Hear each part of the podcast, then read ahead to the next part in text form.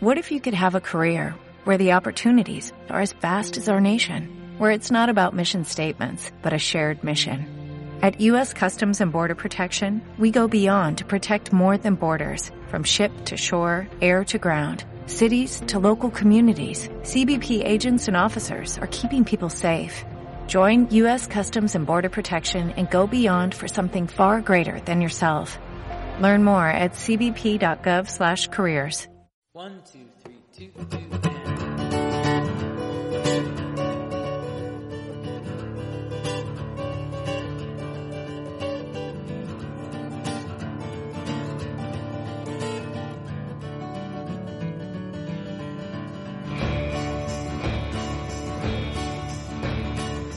Domini màgic, un podcast literari d'Anna Vallbona.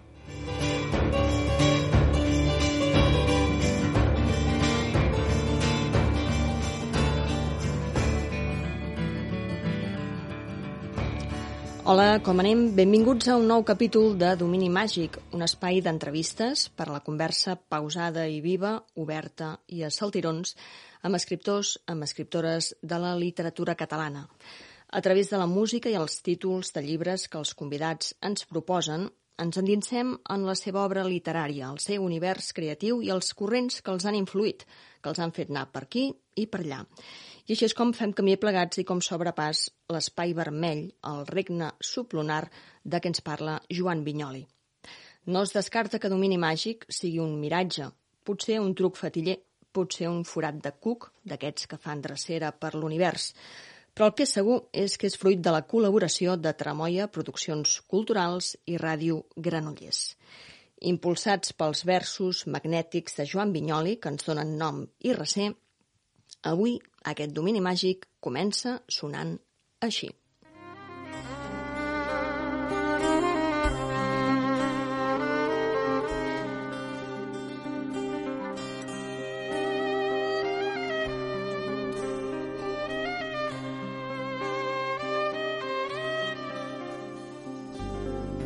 Ήταν εκείνη τη νυχτιά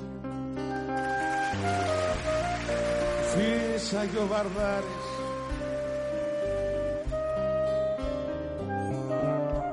κύμα η πλώρια κέρδιζε. Οριά με την οριά. Σε στείλω πρώτος στα νερά. Να πας για να κραδάρεις Μα εσύ θυμάσαι τη Σμαρό και την Καλαμιά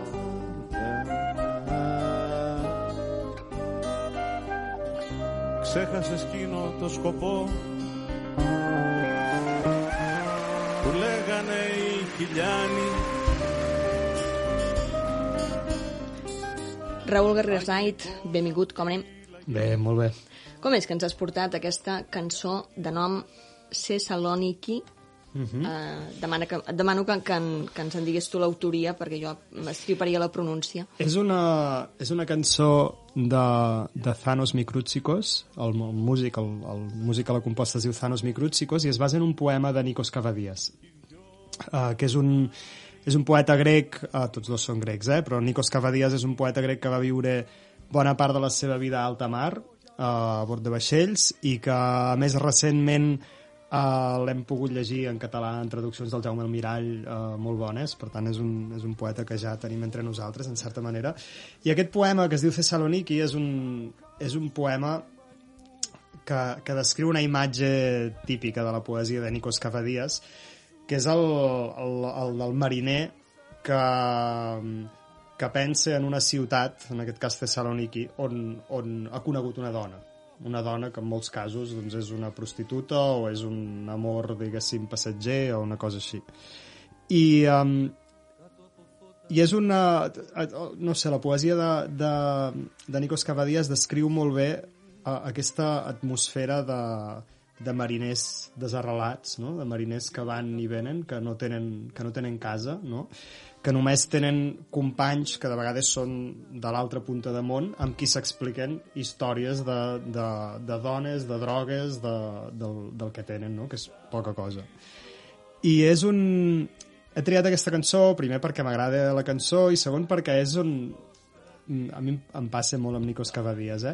Que eh, és com si parlés de la vida de la vida que, has, que no has tingut, no? que, has, que has rebutjat, o sigui, la, la gent que, hem, bueno, que tenim una família, que ens hem establert, no? que tenim una certa vida sedentària, per dir-ho així, Que no ens hem fet mariners. arrelada, no ens hem fet mariners, doncs eh, hem pres una decisió, de la qual jo n'estic molt content, eh? però, però clar, sempre veus vides tan diferents no? i tan... Uh, vaja, que han seguit aquests, aquests camins que, que veus que qualsevol vida és un, un rebuig de moltes vides que no, que no has seguit. I um, igual que em passen cada dies i em passa també amb, amb Grècia, eh, en certa manera, uh, vull dir, jo vinc del món de, de la filologia clàssica, del, del grec antic, després vaig fer un, uh, una mica de grec modern, vaig passar alguna temporada a Grècia, i és d'aquelles situacions també en què de vegades et dius ostres, si em quedés a viure aquí uh, tota la vida podria tenir una altra vida, no? una altra, hauria tingut una altra vida, una vida grega, una vida en, en aquest context, que és molt diferent del que he acabat triant. No? Mm -hmm.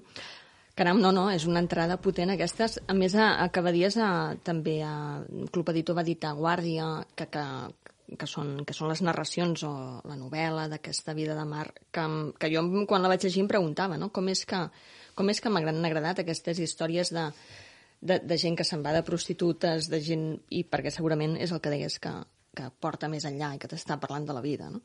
Um, presentem una mica en, en Raül Garrigasait. Ell és escriptor de narrativa i d'assaig, també és traductor eh, i professor d'universitat i dirigeix la Casa dels Clàssics. De les seves obres, pel camí de la narrativa ha publicat la novel·la Els estranys i pel camí de la reflexió ha escrit eh, País Barroc, Els fundadors, La ira, El fugitiu que no se'n va i El gos cosmopolita i dos espècimens més que va ser el, que de fet va ser el teu primer llibre eh, i que el 1984 va, va recuperar no fa massa, oi? Exactament. Um, en la teva obra i em fa l'efecte que, que la, el diàleg amb els temps uh, i el diàleg també amb la violència de tots els temps, amb fer-nos caure en la contradicció de la història, en els llocs amagats de la història, diria que és una constant. Uh, però, però voldria enfilar el camí de la violència, perquè em sembla que poc o molt el trobem en, en moltes obres. Mm, El trobem, evidentment, de manera òbvia, si es vol dir així, amb la- amb l'assaig la, de la ira, però trobem la violència a les guerres carlines de la Solsona del segle XIX, amb una novel·la com Els estranys, que és una novel·la de la guerra però sense la guerra. El trobem, per exemple, aquesta, trobem aquesta violència a l'assaig de- sobre Rossinyol, um, justament uh, per la fixació de Rossinyol en moltes obres sobre la violència. No sé, com, per què aquest neguit? Per la violència? o, o com te l'expliques ara mateix veient, veient a, a aquest possible fil que podem establir, no? Sí, és veritat. No, de fet, no he sigut conscient. O sigui, jo no m'he plantejat mai escriure set o vuit Ni llibres ser sobre la mariner, violència. ni ser mariner ni pagar ningú. eh? Exacte, sí. Però sí que és veritat que és un, que és un, un fil que, que, que travessa totes les obres, en certa manera. I per què? Um, ostres, no, no ho sé. Uh, hi ha... Clar, jo crec que hi ha una... A la, nostra època passen dues coses, crec, amb la paraula violència, amb, amb el concepte de violència. D'una banda, hem, hem eixamplat molt el, la idea de violència, no? Vull dir, fem, fem servir la, la paraula violència per referir-nos a coses que pels nostres avis no eren violència. No? O sigui, parlem de violència simbòlica, parlem de moltes formes de violència que no són, no són una violència física, però que per nosaltres són importants i que les percebem com a agressions, però que, però que és això, els nostres avantpassats no, no gaire allunyants ens haurien dit però, però bueno, t'han pagat o no t'han pagat? Vull dir, no, no, no em vinguis amb històries, no? O sigui, d'una banda passa això, que crec que, so, que tenim una sensibilitat diferent, eh, especial. I de l'altra també passa que mm, hi ha una, hi ha una idea, hi ha una idea del, del progrés moral de la humanitat, podríem dir, eh? d'alguna manera, que és la idea que, que a mesura que hem anat progressant ens hem anat tornant menys violents, no? que la civilització que la civilització és una mena de pacificació, per dir-ho així, no? com més civilitzats, més pacificats. I que això coincideix amb el mateix moment en què la, la violència queda en mans de l'Estat, no? l'Estat es queda el monopoli de la violència i aleshores aquesta violència quan, quan es desencadena pot ser molt més brutal que en qualsevol època passada, no? però és una violència que està doncs, això restringida en un àmbit, en, en unes mans determinades. I això jo crec que genera una situació molt curiosa, tot plegat, no? O sigui, el fet que hi hagi una possibilitat d'una violència real tan extrema però que està en, com en espera, diguéssim, vull dir que ens, ens vigila, no? en algun moment es pot desencadenar, de tant en tant es desencadena, però, però que en principi vivim com si no hi fos, no? D'una banda això, i de l'altra aquesta, aquesta sensibilitat en què de vegades un, un gest ens pot semblar violent, no? o podem denunciar com una forma de violència. Um, no sé, jo crec que al fons de tot això hi ha una, hi ha una cosa que no hem resolt i que no, que no resoldrem mai, eh? perquè diguéssim, la humanitat està feta així. Ara no, cal, farem un no cal spoiler, resoldre-la. un spoiler humanitari, no? No, no, però, però la, bueno, una, una certa mirada sobre el, el, què significa la, la força, la violència a, a, per nosaltres mateixos, eh? I, i quan de vegades la necessitem fins i tot clar, és perillós dir això, eh? No, no, vull, no vull fer cap reivindicació tampoc de, de la violència, però, però justament um, la idea que la violència és dolenta en si mateixa, no? com si fos el mal, com si fos la cosa que cal erradicar, jo crec que és, jo crec que és un mal plantejament. És un mal plantejament perquè al capdavall uh, la, la pau per mi és una cosa desitjable, a tots ens agrada molt la pau, però la pau no és un bé absolut. Vull dir, en aquest país hem tingut 40 anys de pau i, i sabem que la pau mm, en si mateixa Emmascarava no moltes vol dir altres res. coses. Hi havia moltes violències no, darrere d'aquesta pau. I, um, I per això, per, per això crec que, no sé, va, val la pena mirar-se aquestes coses de tant en tant. Clar, i em feies pensar, el, per exemple, el fugitiu que no se'n va, l'obra que, que dediques a, a descobrir-nos, de fet, un altre Rossinyol, més enllà del folklore, i a descobrir-nos la modernitat de Rossinyol.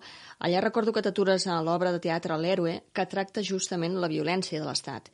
I la lectura d'aquests passatges, eh, mm, el descobriment d'aquesta obra que un segle ben bé enrere mm, plantejava tot un seguit de temes de, al voltant de la violència de l'Estat, um, recordo que a mi em, em va sobtar molt, no? I, i, I em sembla que aquesta veta és molt interessant de cara, de cara a, a il·luminar coses que segurament també en el present tenim menys resoltes o ens sobten de cop i volta com si apareguessin del no-res. Sí, sí, no... Vaja, fantàstic. I, no, I a més també l'esmento per una altra qüestió. Rossinyol um, és molt... L'assaig um, descobria moltes coses o ens il·luminava molt, molta, molts aspectes de Rossinyol, però un era justament aquest poder reflexiu de, de Rossinyol, aquesta modernitat, i, i sobtava no? que tractés, que més enllà del rossinyol folclòric veiéssim un rossinyol eh, que estava tractant temes molt candents en aquell moment, no? Sí, això és una, jo crec que és una cosa que ens passa amb la, amb, amb la recepció de, dels nostres autors en general, eh? que, que el, el, sovint el que en conservem és una imatge, bueno, un cliché, un tòpic, o una imatge folcloritzada, no? Eh, Vull dir, ens passa amb Pla, ens passa amb Dalí, ens passa amb Rodoreda, ens passa amb Víctor Català, ens ha passat, eh, històricament, vull dir, això també està canviant. I, però amb Rossinyol jo crec que això era molt clar, era molt clar perquè, de fet, Rossinyol, de tots aquests autors que ha dit, segurament és el menys recuperat al capdavall, no? Vull dir, jo crec que avui dia, no sé, Víctor Català, Josep Pla, Rodoreda, tenen molts lectors que coneixen aquests autors pels seus textos, no? De veritat, no només per la imatge així que se n'han fet. I amb, amb Rossinyol això ha passat a mitges, una mica, no? Sí que s'ha reeditat en part, s'ha llegit una mica, però, però encara encara de, jo crec que té prou presència la imatge aquesta de, del rossinyol bromista només, o, o fins i tot costumista, segons com, de l'auca de del senyor Esteve, interpretada d'una manera que, que jo crec que es pot aprofundir una mica. I sí, i, i en realitat és això, tu mires i, i Rossinyol té... Bueno, és, un, és un autor molt, molt prolífic que, que tracta el tema de la ciutat i de justament totes les violències que hi ha dins la ciutat i també de la relació entre l'Estat i, i el, els ciutadans o el poble. Um, I ho tracta des de molts punts de vista diferents i, uh, i en aquest sentit és molt, és, té una obra molt rica i que, que, do- que dona molt de peu, jo crec, a reflexionar sobre tot això. Mhm. De, de la relació amb la tradició te'n parlaré i te'n preguntaré més endavant, però sí que ara em voldria aturar amb un fet que, que a mi em crida també l'atenció, que és el fet que la música té molta importància a la teva obra. Em fas descripcions molt acurades, a, per exemple, al Fugitiu, que no se'n va sobre Satí, a País Barroc, per exemple, um, que, és, que és aquest assaig biogràfic uh, d'educació sentimental que vas pu- publicar a l'Avens. Um, a País Barroc um, ens descobreixes una certa memòria del, del teu passat amb el rock dur, però um, en aquest programa que convidem els autors a que ens portin peces musicals i, i, i- fem plegats aquest viatge d'atmosfera musical, en Raül no ens ha portat cap peça del, de rock dur, però sí que ens ha portat un cantautor poeta del seu país, d'aquest país barroc.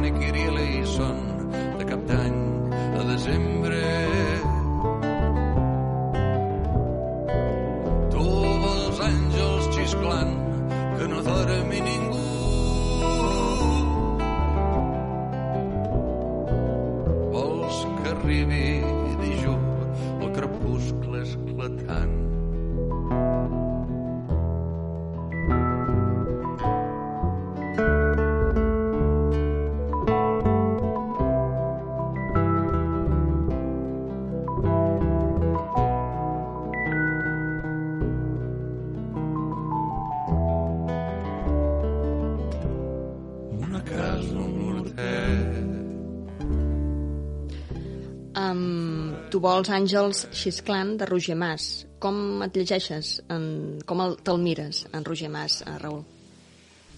El Roger Mas, um, bueno, primer me'l miro com una persona molt propera, per raons geogràfiques, sentimentals, d'amistat, de, de tota mena.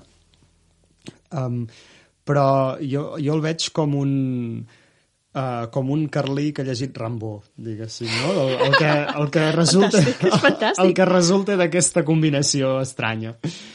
I, um, I això és el que, per mi, és el que li dona la, la, la força que té, eh? en certa manera, que, que el, que el, el Roger ha fet xocar coses que, que sovint no es connectaven i que, i que ell ha aconseguit connectar-les i, i ha fet que, que aquest món de les al·lucinacions, en certa manera, de les visions, aquest món visionari, eh, doncs acabi lligant molt amb una experiència del lloc, de, de la terra, dels boscos, no? de, uh, de, la, de la tradició, en podríem dir, de, de tot això. I, I ha aconseguit doncs, això, que aquestes dues eh, aquests dos mons que, que els veiem com a mons contradictoris, eh, com un món molt, molt potser individualista, molt desarrelat, molt desvinculat de tot, doncs acabi, acabi manifestant-se doncs això d'una manera com una emanació gairebé d'un lloc. I um, no sé, jo el veig, el veig així. Ah, déu nhi um, En el teu País Barroc, en el teu llibre, uh, reinterpretes la tradició de, del barroc català, exposes la pròpia educació sentimental, que en part compartida amb, amb en Roger Mas, i, i fas una mena de recompte vital. No sé si de tot el que has publicat va ser el més difícil d'escriure, justament perquè feies endreça d'aquest propi país. Sí, sí, jo diria que sí. També, també és potser dels llibres que em fan més, més feliç, eh? O, vull dir que... Mm, sí. Però sí que és veritat que va ser molt difícil... Uh, jo, jo sempre... De, de fet, en els meus llibres pràcticament mai parlo en primera persona, vull dir, encara que sigui fictícia, eh? En general l'evito. Quan n'hi ha una mica com els estranys... Bueno, ja es veu que és, que és un joc, no?, en certa manera. Um, i, i, I en canvi el País Barroc sí que té una, un, una idea, un plantejament bastant testimonial, no? I amb un, bueno, un aire testimonial, allò seriós, en certa manera, eh? encara que hi hagi, no tots els moments siguin seriosos. I alhora és, un, és aquest treball amb la memòria que fa que, que per mi és, un, és, és una matèria molt, molt curiosa, la memòria, perquè uh, d'entrada tens la sensació de no recordar res, després comences a, a buscar i a furgar i a escriure i t'adones que vas recordant moltes coses, i, però després t'adones que, que tot això que estàs escrivint, en realitat et- ets tu que t'estàs inventant aquests records, que potser hi ha alguna cosa que Sí, sí, sí. que, que Sí, sí. és de veritat, no? però, però que en el moment en què et poses a escriure-ho, tu ho estàs reestructurant, ho estàs, ho estàs refent, de vegades d'una manera radical. I, eh, I això és molt interessant, eh? Vull dir, és molt interessant per un mateix, també, i és molt interessant com a procés creatiu d'escriptura, però és difícil, és, és, és realment difícil. I per què deies que és un dels que t'ha fet més feliç? Perquè... Això, és- això sona, bueno, sonarà una mica així, eh? potser, però és, potser és el llibre que tinc la sensació... O sigui, en el qual tinc la sensació que...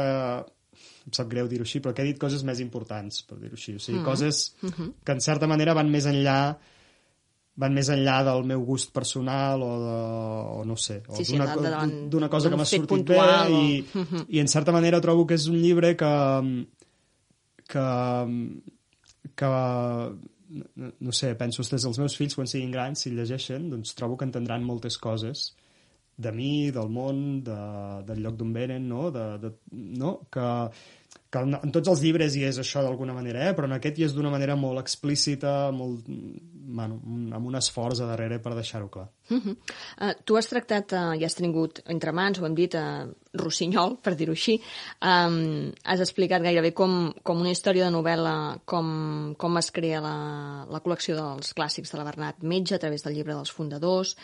Um, ens has fet llegir fins i tot de manera dif diferent la relació del país amb els carlins, uh, o amb, amb tota la seva tradició carlina molt arrelada.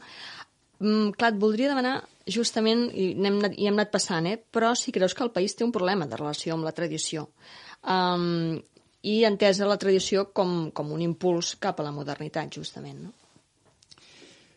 Sí, jo, jo, jo crec... Sí, podríem dir que sí, uh, i per raons molt diferents i, i difícils d'explicar i segurament... Uh, a veure, em costaria una mica de- d'endreçar-ho, eh, tot plegat. Però, de fet, si mirem quan... O sigui, primer tiro una mica enrere, 100 anys enrere, diguéssim, i després vaig al present. Però si, si, si mirem, per exemple, l'època dels fundadors, l'època de, de Joan Estalrí, Carles Riba, eh, Joan Creixells, tota aquesta gent tenien una idea obsessiva que l'anaven repetint, era que no tenien tradició. O sigui, to- tots ho deien, eh? que deien nosaltres, nosaltres el- els catalans, quan mirem enrere, veiem quatre segles sense tradició. No? Ells volien dir sense alta tradició literària, eh? sense una tradició comparable a la francesa o l'anglesa. O... I, però era una idea obsessiva que realment la van repetint, repetint, repetint, i això, en certa manera, és el que els dona força per tirar endavant una bogeria com una col·lecció de clàssics grecs i llatins. Uh, però, però és curiós perquè ells diuen això i no ho diuen tots els autors de l'època, tampoc. Eh? N'hi ha d'altres... Uh, jo crec que és una cosa que els modernistes, per exemple, no la deien tant, i que figures així excèntriques com Francesc Pujols, que s'in- que s'inventen una altra mena de tradició, no ho diuen. Vull dir, tenen una relació, jo crec que és potser més saludable fins i tot amb el, amb el passat del país. Però, però sí que és veritat que, que és una... Clar, quan dius no, no hi ha tradició, clar, per exemple, jo, bueno, jo he parlat del barroc i quan ells deien no hi ha tradició feien desaparèixer tot el barroc. L'eliminaven. Que, que, que, ha estat, que de fet ha estat una altra tradició en el país, Exacte. eliminar el- la importància del barroc català. No? Sí, sí, sí. I um, per això, que vull, vull dir, revela una, una relació problemàtica. I si anem al present, clar, entremig hi ha hagut el franquisme, uh, hi ha hagut uh, repressions culturals diverses, hi ha hagut cremes de llibres, uh, hi ha hagut exilis i, per tant, això trenca uh, en, en molts sentits la tradició directa, no? I, i, i això és un altre, un altre element problemàtic. Clar, si després d'aquest trencament uh, es fa un discurs uh, purament cosmopolita, internacionalista, de, de aquí no ha passat res, doncs aleshores, clar, t'estàs fent còmplice de coses que són molt greus, no? I, i per això després jo crec que també aquest, aquest discurs sobre la tradició es, eh, es fa problemàtic, eh? perquè, perquè en alguns moments s'ha acabat presentant sobretot això durant els 80-90 amb la disputa entre Ajuntament de Barcelona i Generalitat, no entre maragallisme i pujolisme era molt clar, i després això ha anat, ha anat canviant, s'ha transformat, però d'alguna manera encara, encara hi ha aquestes friccions, eh? i que jo crec que són fruit d'un malentès al capdavall, vull dir, són, són fruit de, de primera de no potser no esforçar-se gaire a llegir què ha passat els últims 60, 70, 80 anys, no? I, i d'entendre que la, la cultura, la cultura en el sentit més ampli, o sigui, la vida també com a forma de cultura, no és una cosa que es pugui formar en el buit, no? i no es pot formar sobre una taula rasa. I, i al capdavall, nosaltres que treballem amb la llengua, no? que, que escrivim, uh, sabem que la llengua és la cosa menys personal que existeix. La llengua és una cosa que t'han donat els altres i, i que tu la, la parles i l'escrius perquè els altres te l'han donat. Vull dir, és un do que reps dels altres i en aquest sentit és un do que reps del passat també, de, de la tradició. I, um, i aleshores, clar, davant d'aquest fet, fer proclames allò d'un universalisme buit o, o d'una aspiració a, a trencar amb tot o uh, doncs en una situació així jo, jo crec que és, és incoherent i és empobridor al capdavall no? i per això sempre intento proposar doncs, una relació una mica conscient i, i forta amb, amb el passat Clar, no sé si, si amb tot això creus que la recepció de, dels clàssics ha canviat en el sentit, per exemple, a la Casa dels Clàssics heu editat de, recentment uh, Dostoyevsky, uh, Jane Austen. No sé si, si això, aquesta relació amb la lectura de clàssics ha anat canviant al llarg de les dècades. Jo tinc la sensació que, que sí, uh, i tinc la sensació que, que um, la... Clar, això també segurament va, va lligat a l'edat que té cadascú no? i el que hem anat vivint, però però jo tinc la sensació que avui dia la gent llegeix um, és això, pot llegir doncs, el Crimicàstic, eh, per, per dir una obra que hem editat recentment, o, o, o és igual, o l'Eugènia Onegin, per exemple, traduït per l'Arnau Barrios, o la Ilíada traduïda pel Pau Sabater. Uh, o sigui, són, són clàssics d'aquests que són tòtems, eh? d'aquests que, encara que no els has llegit, et sonen i saps que són importants.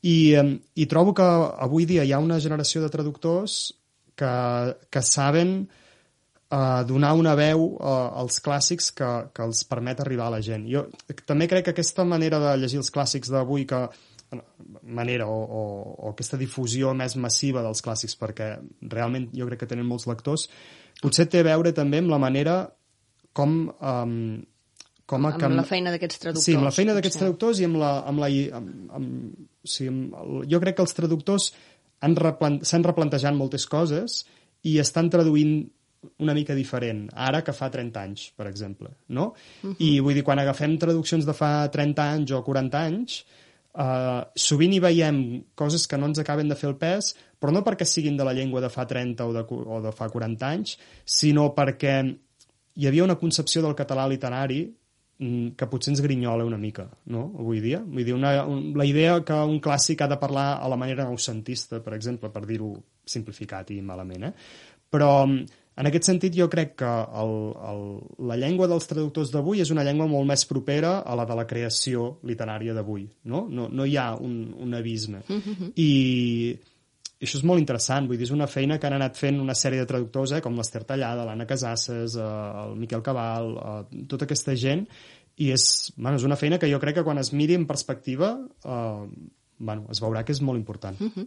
eh, tu ens has portat uh, un parell de clàssics avui en la tria de llibres que demanem a tots els convidats, convidades, I comencem pel primer, que és el convit de Plató, un autor a qui, a més, eh, s'ha traduït, no pròpiament aquesta obra, mm, perquè entre tots els possibles que coneixes en profunditat eh, més que sobrada, tries justament el convit de Plató.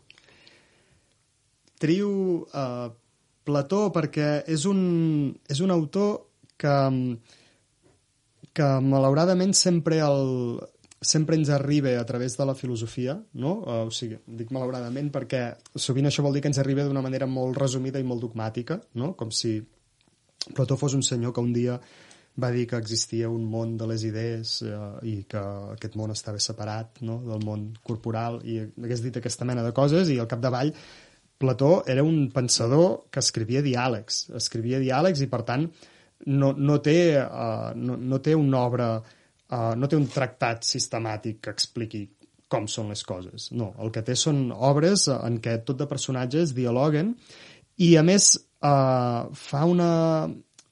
O sigui, sempre en els, en els diàlegs de Plató hi ha com una voluntat de recerca molt clara, hi ha com un, un, uh, un esforç fins i tot per despertar el desig de saber i moltes vegades no acaben arribant a cap lloc tancat, tampoc. Vull dir, són, són un viatge, un, un, una manera de, de, això, eh, de fer néixer el desig de filosofar, per dir-ho d'alguna manera, però sense, uh, sense tancar-ho d'una manera dogmàtica.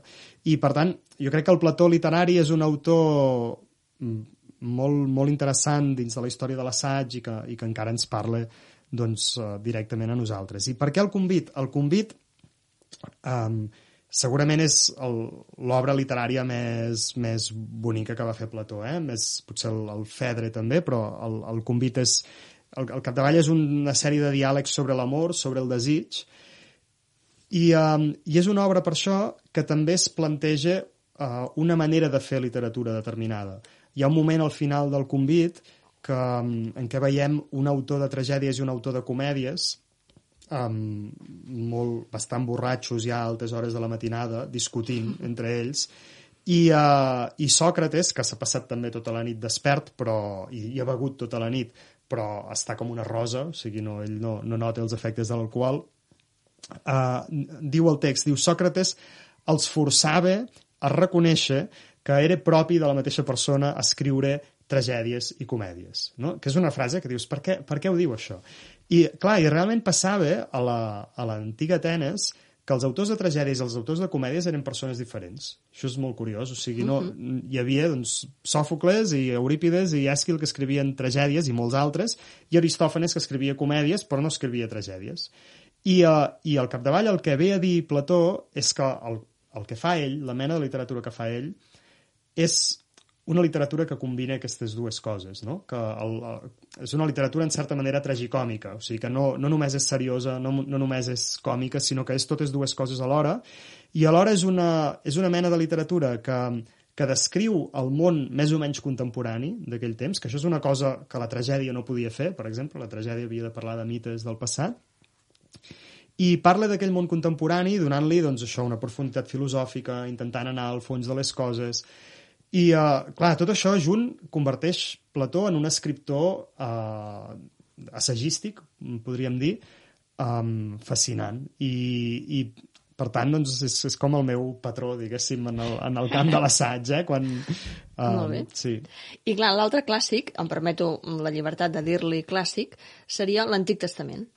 I, per tant, em porta una pregunta estirabot, que és, en recomanes la lectura de l'Antic Testament? I, I tant, totalment, sense cap mena de dubte, sí, sí.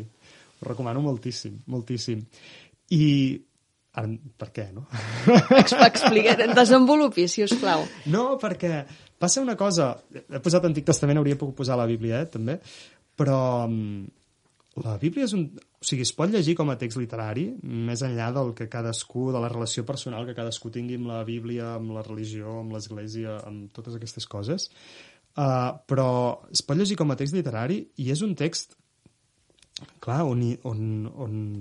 Clar, jo vinc de la tradició grega, eh? I, i per tant, uh, la, la Bíblia queda una mica fora del meu camp.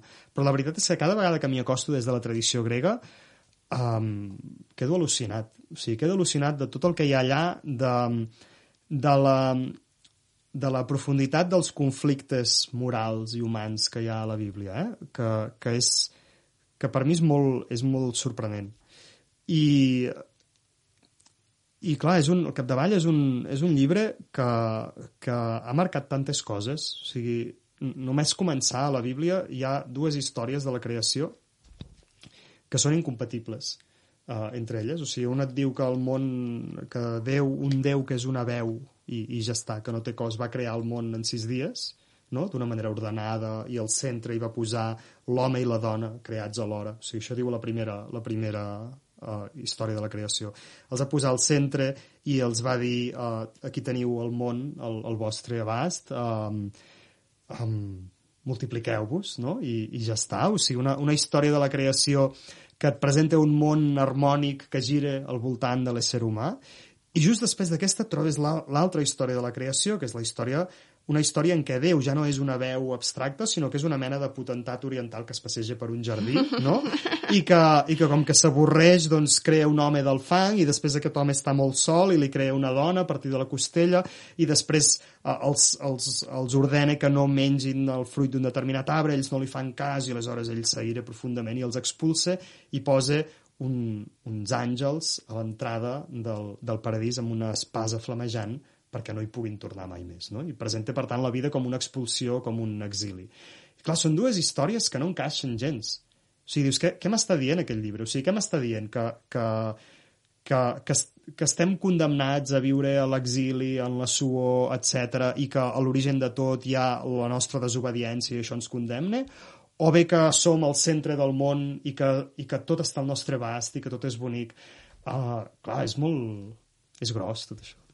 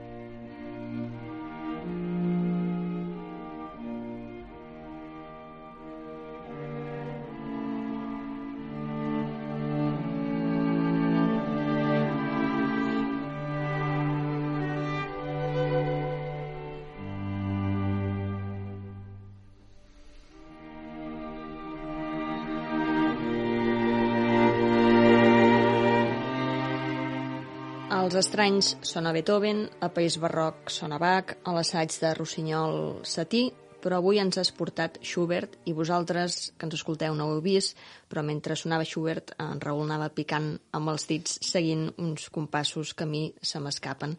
Què ens has portat de Schubert? Us he portat el segon moviment de, del quartet de cor de la mort i la donzella, que és un quartet que sempre es diu que Schubert eh, va escriure quan ja veia pròxima a la mort, diguéssim. I és un, és un quartet que es diu La mort i la donzella perquè es basa en un lit del mateix Schubert eh, que, que és un diàleg entre la, una noia i la mort que s'hi acosta, no? I la noia que li diu no t'acostis, no em toquis, i la mort que s'hi acaba acostant. I va, agafar el, el, Schubert va agafar aquesta mateixa melodia que ell s'havia havia compost temps enrere i la va aprofitar per, per construir aquest quartet i concretament el segon moviment de, del quartet que són tot de variacions sobre aquest motiu.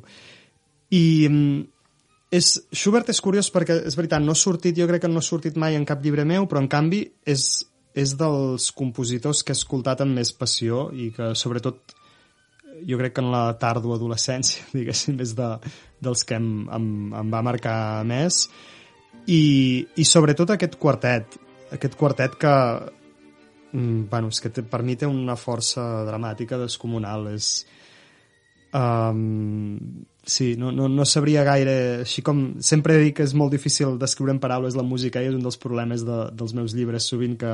Però és un dels problemes això. que abordes i te'n sí, surts sí, increïblement. Sí. Però, i és això. Schubert sí que és veritat, ara que hi penso, que surt esmentat un moment el gos cosmopolita i dos espècimens més. Sí, Mira, Sí. me'ls he repassat tots. No, eh? no, no, és veritat, però jo no hi pensava tampoc. Però sí que l'esmento uh, just al començament de l'holandès errant, de la part dedicada a l'holandès errant o l'holandès volador, i és perquè els, els líders de Schubert encarnen molt bé uh, aquesta vivència romàntica del món um, com un, del món com un com un exili, en certa manera, eh? com la idea del, del caminant, del caminant etern, de, del món com, com una experiència que consisteix a fer un camí que no saps on et porta i, i per tant, a, et porta a la idea, que això surt en un, en un text que va musicar Schubert, que la felicitat és allà on no ets, no? O sigui, que la felicitat sempre és algun lloc on sembla que t'adreces però, que no, però que no hi ets mai.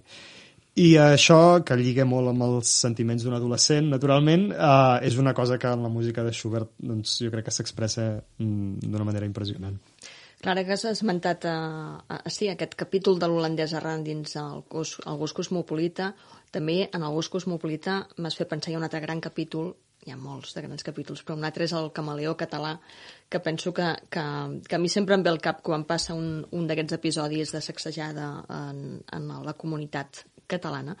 I igualment el, Cosmos, el gos cosmopolita perdó, se'm lliga amb, amb un altre llibre que has portat, perquè el gos cosmopolita, que és, que és el teu primer llibre publicat, um, que barreja amb, amb estil literari, amb, amb reflexió i, i amb històries de la història, per dir-ho així, um, crec que allà es veu ja molt una mena de, de voluntat que, que titila sempre en la teva narrativa, que és aquesta mena de voluntat de comprendre, no? de, de, de, de, de comprendre la contradicció la paradoxa, de mirar-la als ulls.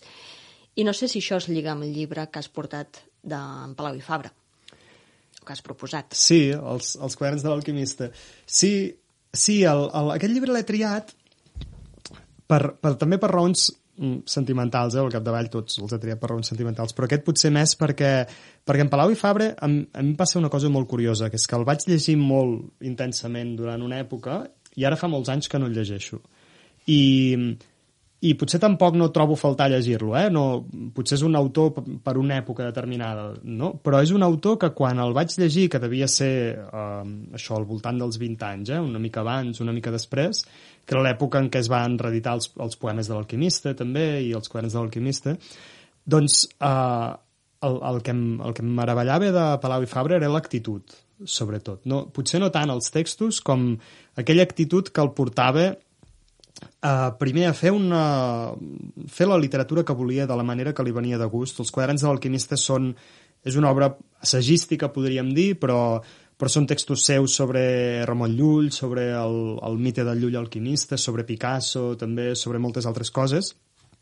I jo en aquest llibre el que hi veia era que uh, la, la prova que es podia escriure de qualsevol cosa uh, amb, una, amb una voluntat de recerca personal, per dir-ho així. No? O sigui, no, no amb una voluntat simplement acadèmica, expositiva, no? sinó amb la idea que, que estudiant o, o llegint Llull doncs, eh, arribes a un lloc que al final és, és personalment important, també, no, no, no és només per transmetre uns coneixements.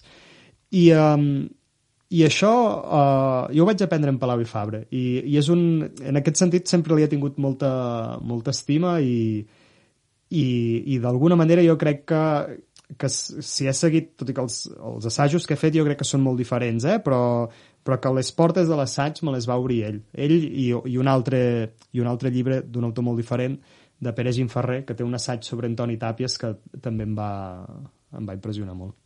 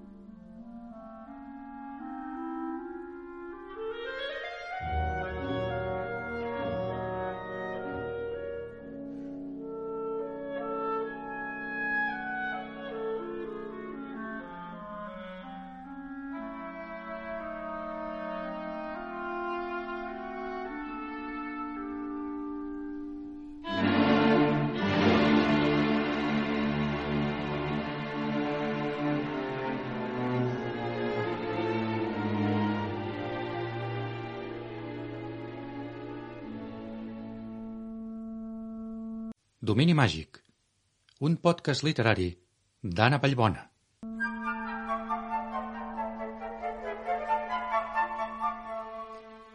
Abans et preguntava si la relació del país amb la pròpia tradició és complicada i ens has portat com a última peça musical en Juli Garreta, i Les Illes Medes.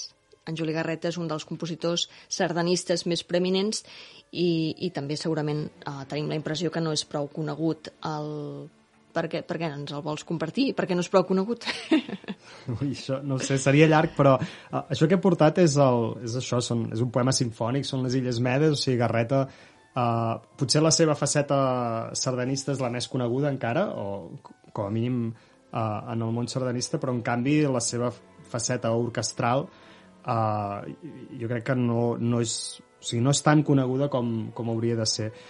I uh, tot i que és un autor que que sempre va sortint, eh? O sigui, el Jordi Lara eh, li Mm. dedica un capítol, Mm. eh? El, el, Sí, sí. La màquina d'espavilar ocells de nit, um, els músics en van parlant, eh? El Joan Magraner, per exemple, el compositor, sempre diu que per ell és el gran compositor de, de la història de la música catalana, i, i és, és, és realment una cosa extraordinària. Aquest de les Illes Medes, jo és que recomano a tothom que un, un dia, allò, un diumenge a la tarda, eh, posin aquesta música i s'oblidin de tot, perquè és, és, és una cosa extraordinària.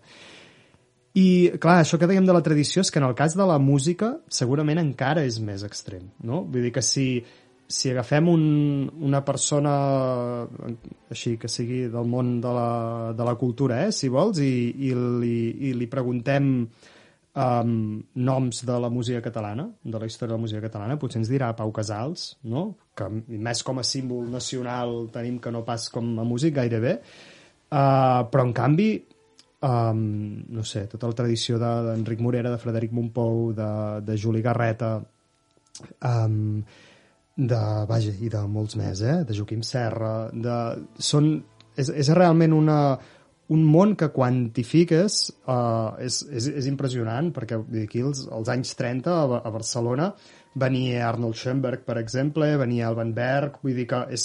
Schoenberg, gran amic de Carles Sindreu, a més a més. Ah, sí? Ah, això Sí, no ho sí, sí, sabia, veus? curiós. Això no ho sabia.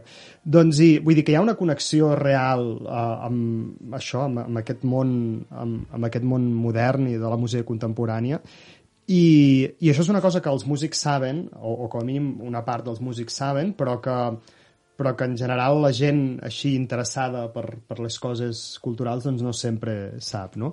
I també una cosa que passa és que jo crec que hi ha una gran desconnexió entre el món de la música i el, i el món de mm, la literatura, mm, de l'art, diguéssim, vull dir, és com si fossin dos mons separats, i és, un, és una llàstima realment, perquè són dos mons que es poden bueno, es poden fertilitzar mútuament, diguéssim, no? Es poden...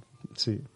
En una conferència que vas fer al setembre del 2021 per l'SMUC, um, una conferència que vas titular Elevació i arrelament, deies, presentant uh, el país, la ciutat de Barcelona i el Parc Güell, deies uh, que la gent hi entrava, o hi entràvem, de- d'una manera molt concreta. Di- Dius, amb la redempció cristiana a un costat i l'al·lucinació telúrica a l'altre, accedim al món de Gaudí.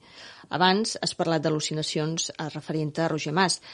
Mm, tot plegat em fa pensar si no hem tallat el poder al·lucinatori de la tradició, que no res més que, que això, que l'abans d'ahir, o no és res més que allò que et fas, no allò que et fan. No?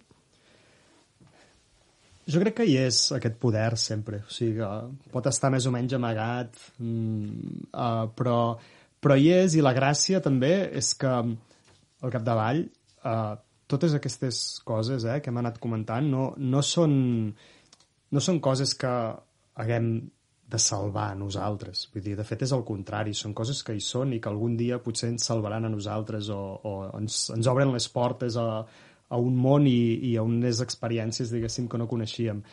I vull dir que no... De vegades es parla de la cultura gairebé com si fóssim una ONG eh, de nosaltres mateixos. No? De Que salvaguardar. Sí, de salvaguardar, no sé què. No, és que no es tracta de salvaguardar. Vull dir, les Illes Medes del Juli Garreta no, no s'han de salvaguardar, s'han d'escoltar, en tot cas, i, i, i, i veure què en treus d'aquesta escolta. Mhm, Es tracta de, de fer-la servir, com aquell mm. qui diu, no? Doncs, escolta, Raül, moltes gràcies. Hem de deixar aquí aquest uh, domini màgic d'avui, que està possible uh, gràcies al domini tècnic d'en Lluís Ruiz. Ens retrobem d'aquí a 15 dies. Gràcies per l'escolta Gràcies pel viatge i les al·lucinacions d'aquest domini màgic.